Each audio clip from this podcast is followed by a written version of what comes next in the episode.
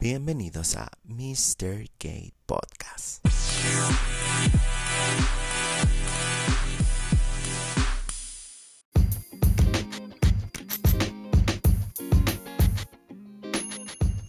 Son tiempos de pandemia y las tendencias de maquillaje para este 2020 en ojos son claras y comenzamos a verla en las calles.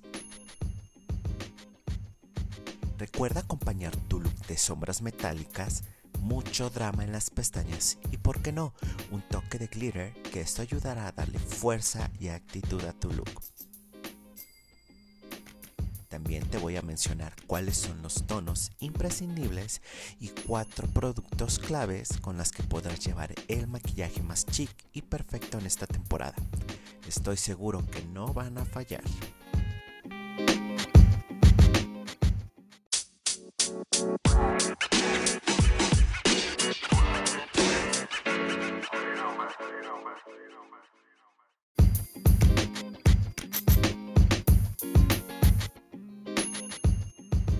Color, color y más color en los ojos.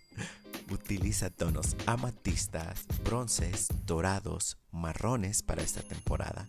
Y claro, no puedes excluir el negro. Recuerda que los ojos bien definidos y con dimensión serán elementos esenciales en la mirada. El glitter solo se utilizará en párpado superior y con breves toques por secciones. Recuerda, no abusar del producto.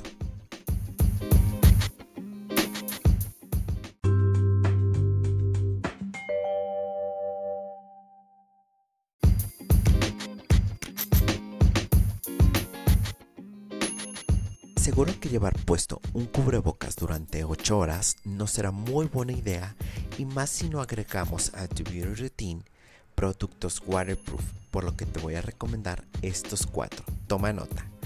Caviar Stick Eyeshadow de Laura Mercier. Son sombras en stick con colores vibrantes, metálicos y un acabado elegante. No se corren, están increíbles.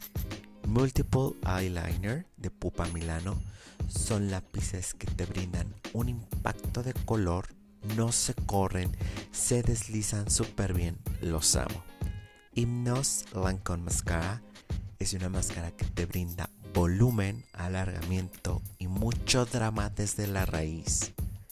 Glitter Glow de Stila tienen varios tonos, no se cuartean y brindan un acabado súper elegante y son fáciles de aplicar. Son cuatro productos esenciales con los que vas a triunfar. Agradezco mucho haber escuchado este podcast y bueno, nos vemos el próximo viernes. Mr. Gay Podcast.